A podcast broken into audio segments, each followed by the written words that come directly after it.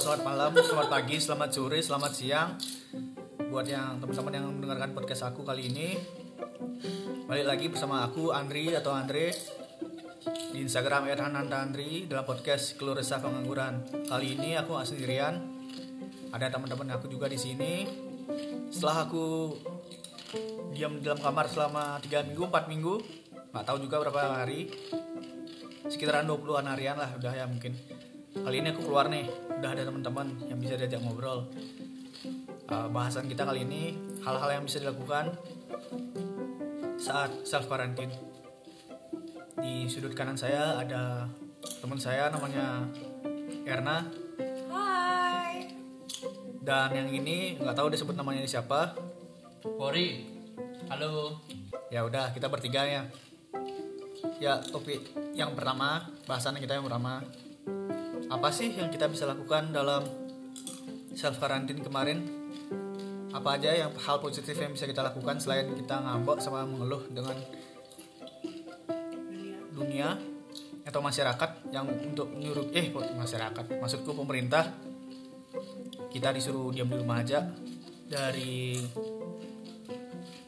Fori sama Erna bisa dijelaskan kalian ngapain aja selama liburan kemarin? Bukan liburan sih self quarantine Dari yang nyep, abis nyepi ya? Apa dari dari nyepi? sebelum nyepi lah Dari bagusan sebelum nyepi. Pas sebelum nyepi, aku masih aktivitas biasa sih. Belum terasa ya? Belum terasa, heeh. Tapi pas dari nyepi, itu udah mulai sih kayak di rumah.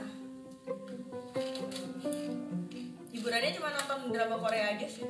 Netflix ya Ya Netflix juga. Ya pokoknya apa yang bisa ditonton, aku tonton. Itu aja sih.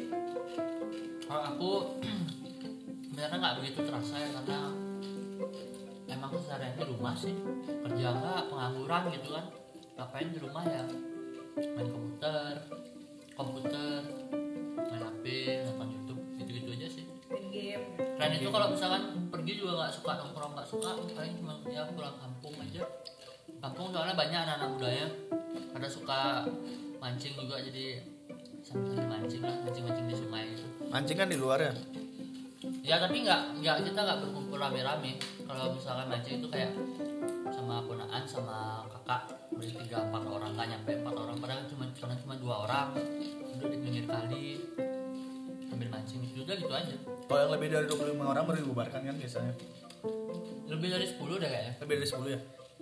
Ini kalau Erna gimana ya? Biasa suka nongkrong. Hmm, itu terasa banget.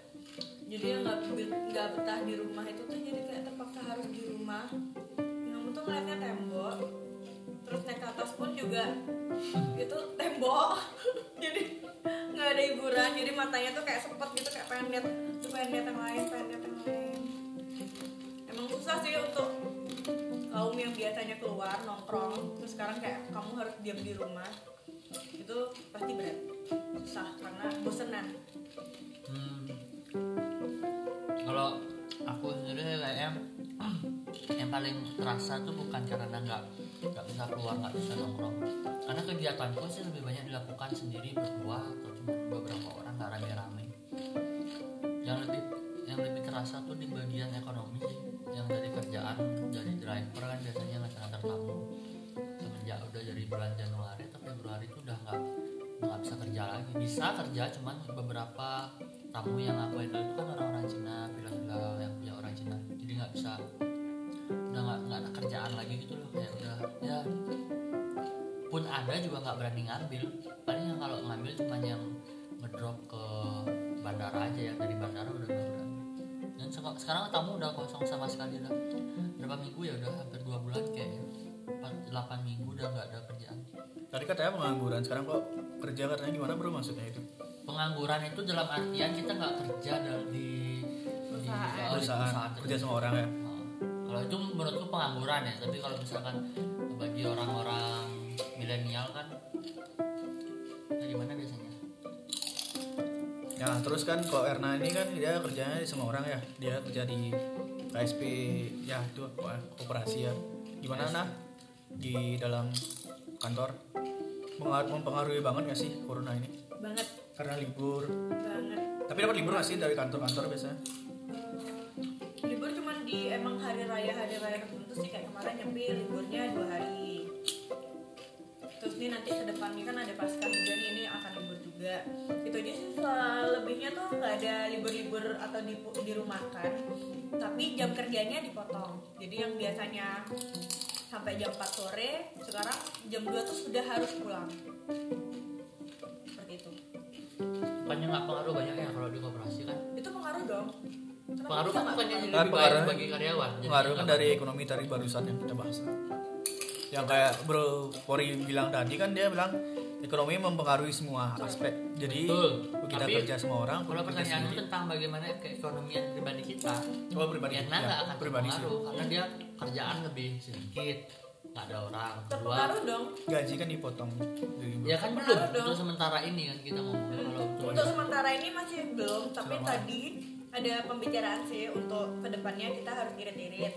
Karena ini kalau misalnya terus-terusan tidak ada pendapatan, maksudnya pendapatan itu yang bayar angsuran itu cuma hanya bayar bunganya aja atau mungkin bayar bunganya aja tuh nggak full jadi kayak masa ketunggakan itu bisa mempengaruhi banget sih pendapatan gaji ya. Kemungkinan dipotong mungkin banget. Karena kita nggak tahu sampai kapan coronanya nih selesai. Hmm. kalaupun udah selesai pun kan kayak mereka usaha-usahanya tuh agak susah juga sih untuk ngebangkitinnya. Oh ya aku nggak masih kurang jelas nih. Aku sekalian mau nanya deh tentang eh, perekonomian yang yang dibilang sama Jokowi kemarin kan kita dikasih keringanan untuk flag membayar cicilan itu.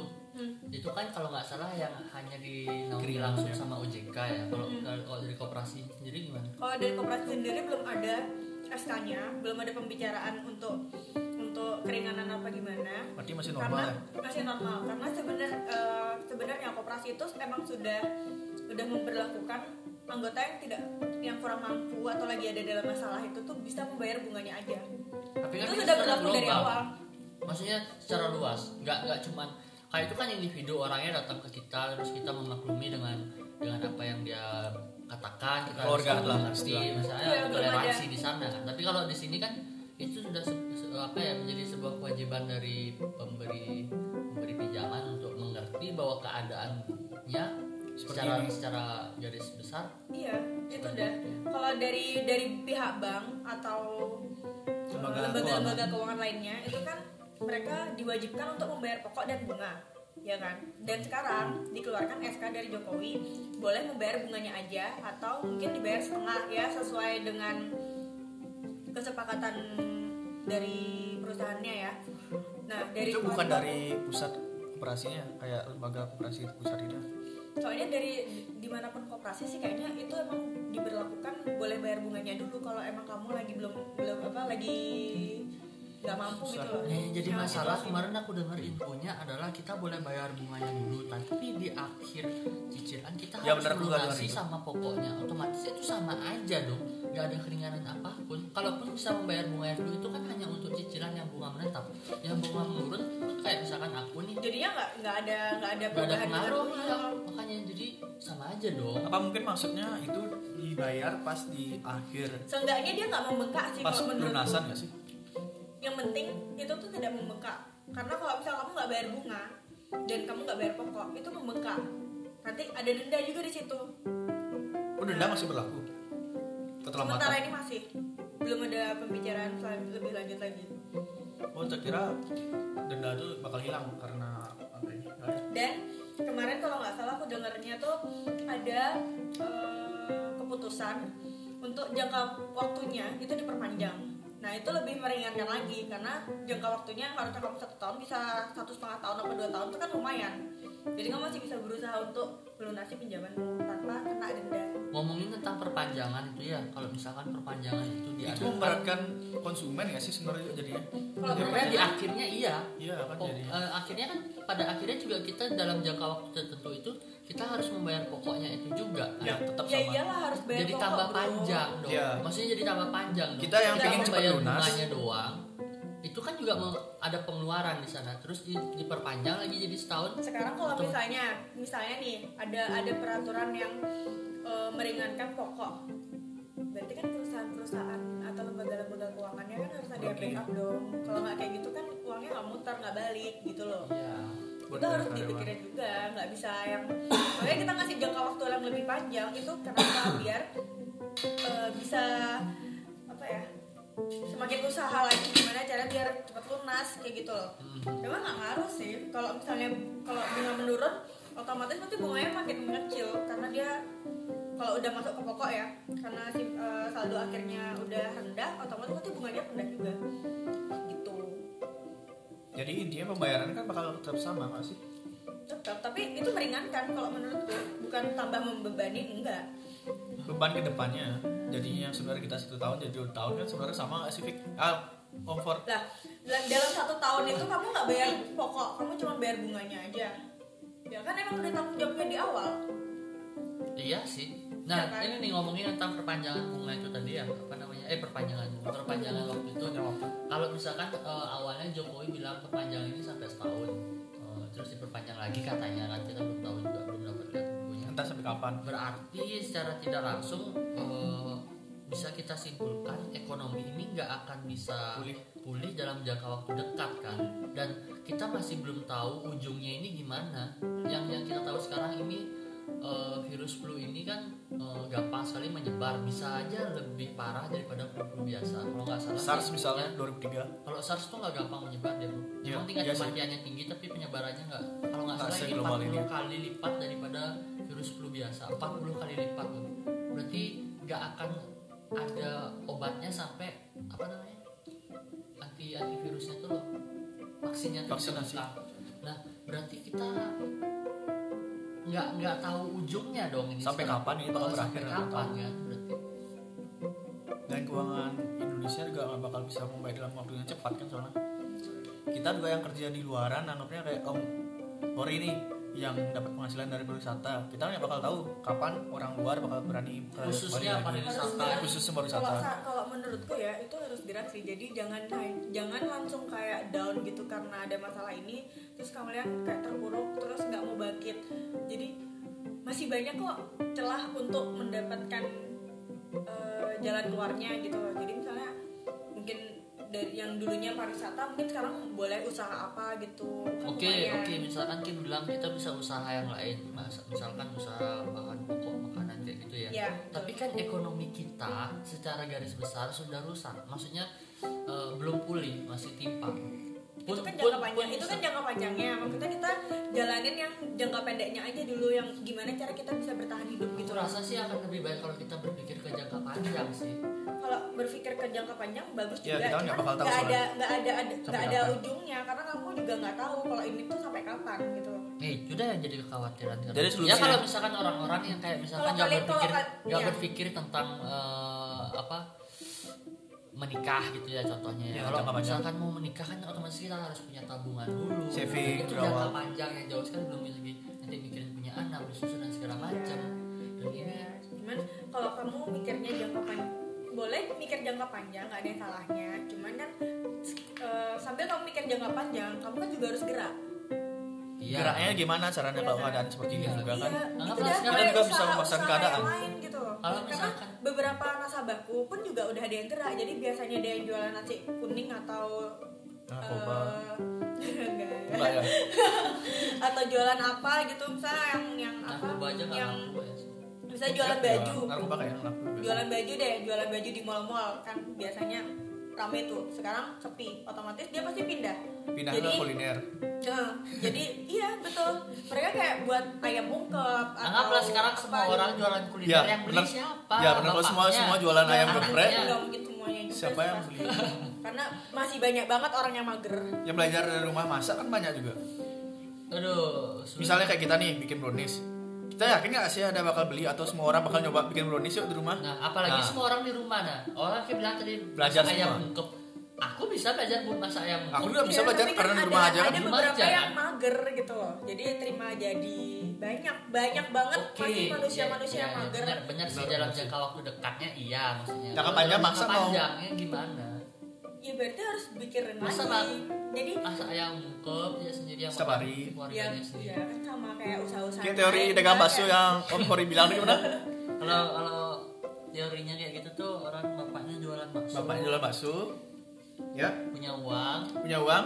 Anaknya ya, anaknya yang beli. Anaknya beli. Gimana sih aku juga lupa? Bapaknya jualan bakso Heeh. ibunya yang bikin. Mm-mm. anaknya yang beli. Beli uangnya. Uangnya dapat dari bapaknya bakal mau seperti itu nggak sih semua jadinya karena semua orang bikin hal yang sama yang beli ya keluarganya sendiri. Masa sampai kapan sih dia minta uang sama keluarganya buat beli makanannya dia sendiri? Itu tuh. Kalau semua orang yang masak maksudnya semua orang lingkaran masak. setan jadi. Kan jadi lingkaran setan ya sih? Tapi kenyataannya dalam garis besar Indonesia kan bisa aja melakukan itu. Ya bisa. Maksudnya Indonesia tuh melakukan jualan sendiri untuk Seragam. contohnya nih di mana namanya? Di Korea Utara mereka kan nggak ada impor nggak ada ekspor. Nggak ada mereka impor. kan dari dari negaranya mereka sendiri menutup. Nggak tahu ya kalau ada ekspor impor di Korea Utara kayaknya nggak ada apa sih. Yang dijual paling senjata senjata senjata aja nih untuk militer. Dan buat kalian yang udah tahu juga ya kalau di Cina sih itu pasar gelap yang jual kelelawar udah pada buka lagi loh. Masa sih? Ya udah udah udah buka. Kelelawar. gila gak sih mereka sebenarnya Oh iya, gitu. kemarin kan ada info tuh katanya virus ini tuh kan dari Cina tuh awal-awalnya.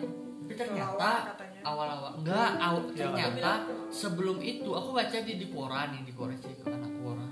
ada koran Anak Terus? koran, Jo. koran namanya. Eh, kita eh, di sana tuh ada yang nge-share bahwa di Amerika itu di bulan sebelum sebelum Natal kalau nggak salah sebelum Natal atau sebelum apa ya pokoknya Apa di- Oh. sebelum Natal tuh ada yang yang sudah kena bahkan itu di Amerika dan dan dari sanalah itu awalnya kasus itu. Kayak gitu. Bro di dalam udah ada yang bunuh diri apa kita Lalu mana? Dalam ada orang bunuh diri satu karena dapat surat PHK dari keluarga. Dari Mungkin. keluarga? dari kantornya. Dari kantor. Dia bunuh diri gara-gara? Dapat PHK dari kantornya karena masalah corona ini mas. Kan pengurangan karyawan itu banyak terjadi di dalam kantor-kantor. Hmm. itu aja yang sesimpel kita bisa bertahan untuk sampai kapan kita bisa kuat nahan kita nggak punya uang? Pasti kalau orang bakal berpikiran seperti itu kan untuk bayar cicilan. Kita untuk bisa struggle bertahan dengan keuangan yang segini-segini aja itu udah susah banget sebenarnya. Kapan sih dapat info orang diri di jalur kemarin ada aku lihat di Instagram. Di Instagram akhir-akhir ini banyak kali orang bunuh diri soalnya waktu itu Karena itu salah dari. Sange ada juga Setelah masalahnya- orang Jawa juga ada tuh yang cewek tuh setelah masalah corona ini apa sebelum? Setelah masalah corona nggak tahu sih aku kurang begitu jelas juga. Itu ya pasti beberapa orang udah mulai bunuh diri deh. Itu emang susah buat struggle sih emang. Struggle banget sih. Karena kadang kayak gini kan sebelumnya masalah covid ini juga udah mulai banyak ekonomi udah agak susah kan mulai tahun 2020 Sebelum- ini iya covid kan mulainya di di Januari, itu dah yang aku kan. bilang tadi katanya sih sebelum Januari sudah sudah sudah ada cuman nggak ada orang yang tahu aja karena belum belum menyebar. menyebar infonya. Setelah menyebar baru tahu tiba-tiba naik orangnya yang naiknya drastis orang yang udah kena gitu apa karena sebelumnya itu dirahasiakan juga ya? Kayaknya sih dirahasiakan sih maksudnya supaya nggak tahu juga sih. biar nggak banyak yang kayak panik lah tapi udah akhirnya kita pasti bakal panik sendiri Iya karena karena mungkin pemerintah nggak begitu paham efeknya tuh akan sebesar ini di pemerintahan kita. Anggaplah 100 tahun belak- belakangan ini kan nggak pernah ada kayak pandemi yang ya benar-benar menghancurkan masif banget. Kalau iya kayak kayak eh, SARS apalah segala macam H1N1 itu Ya, nggak apa? begitu kayak gini loh. Karena SARS kan juga nggak sempat masuk ke Indonesia nggak sih? Kalau yang ini kan setelah masuk. Terus ah last nih buat Om Pori deh. solusinya gimana nih kalau misalnya kalau kita kayak gini terus? Solusinya nggak ada bro. Apa yang bisa kita lakukan untuk positifnya? Jaga kesehatan jaga kesehatan sih biar bisa berpikir jernih kalau menurutku ya karena kalau misalnya hanya bukan buat usaha tuh yang era di Ki bilang tuh Iya usaha juga. Jadi kalau misalnya kamu sehat dan berpikir jernih kan otomatis bisa menghasilkan ide-ide yang gimana caranya biar menghasilkan cuan, biar kamu bisa hidup eh, dan biaya-biayamu tuh terpenuhi, bisa bayar ke eh, angsuran dan lain-lainnya. Pasti ada jalan kok kalau ada usaha. Iya sih cuma tapi kadang-kadang kalau- usahanya agak kita bakal kita gimana sih cara memperbaiki orang kalau untuk biar berani keluar aja dulu minimal. Maksudnya Gak bukan, berani lah orang bukan udah keluar pemerintahnya bilang nggak boleh keluar. Bukan keluar maksudnya masa semua harus usaha online sih jadinya yang punya toko itu kan kasihan itu mereka masih buka kok cuman emang ada jam malamnya. Nah itu aja mereka masih bisa bertahan loh dengan yang gimana ya caranya biar ini tuh rame meskipun mereka nggak bisa keluar. Oh ya berarti dibikin promo-promo untuk take away. Jadi mereka lebih yang save money untuk take away aja daripada yang harus nongkrong di sana dengan harga normal. Menurutku itu sih. Jadi yang mereka yang punya usaha-usaha yang masih buka meskipun jamnya terbatas itu pun juga berpikir kok gimana caranya biar ini Usahanya tetap jalan. usahanya tetap jalan. Minimal mereka balik modal aja deh yang sudah kebeli-beli itu misalnya kayak kedai kopi atau mungkin nggak eh, bisa lah nah itu Ya, jangka panjang itu jadi intinya kopi jadi intinya kalau punya usaha sekarang nggak usah nggak usah berharap kaya cuman kan ini belum belum yang parah banget loh. Yang penting berharap kan bisa sehat tahu dan bisa, bisa makan. sehat dan bisa makan tuh sehari-hari. Kalau semua orang kayak gitu yang ada solusinya sih dari semua kan belum ada. Belum ada solusi sih sampai dua dua bulan tiga bulan ke depan. Mungkin sampai akhir tahunnya di akhir tahun 2020 ini buat teman-teman ya mendengarkan podcast ini stay safe aja buat kalian. Tetap pikiran positif jangan pikiran untuk bunuh diri karena udah banyak ada kasus bunuh diri karena di PHK dari kantornya sendiri. Nggak banyak Betul, nggak betul. banyak Udah, udah banyak. banyak. Udah ada Ada tiga udah ada ada ya, beberapa ada. hopeless loh soalnya. Susah untuk struggle masalah seperti ini sih. Kita aja nih nongkrong kan juga di dalam rumah jadi nggak cuman nggak rame-rame loh maksudnya kita cuma bertiga doang. Karena ada keperluan. Karena juga ada keperluan. Ya dan kita jaga jarak kok guys. Wih Satu jauh meter, banget ya meter, kita. meter. kita Jauh jauh banget. banget. Kita jauh banget. 5 meter kayaknya makanya suaranya menggema banget. Suara bergema banget. pojok-pojokan kamar di sudut kamar itu aja podcast di season 2 episode 3 atau 4 ini. Ya, aku Andri. Signing out dulu. Saya Om Pori. Thank you ya buat teman-teman yang sudah mendengarkan di podcast ini. Biarpun random bahasannya, ya pokoknya gini lah. jangan emosi ya dengernya Jangan emosi dengarnya, dengerin aja dengerin aja udah. dengerin aja udah Kan paling pada lagi pada diam juga kan. Ada yang ada kerjaan, ya udah dengerin podcast aja langsung aja. Thank you ya guys. bye Bye. Ciao.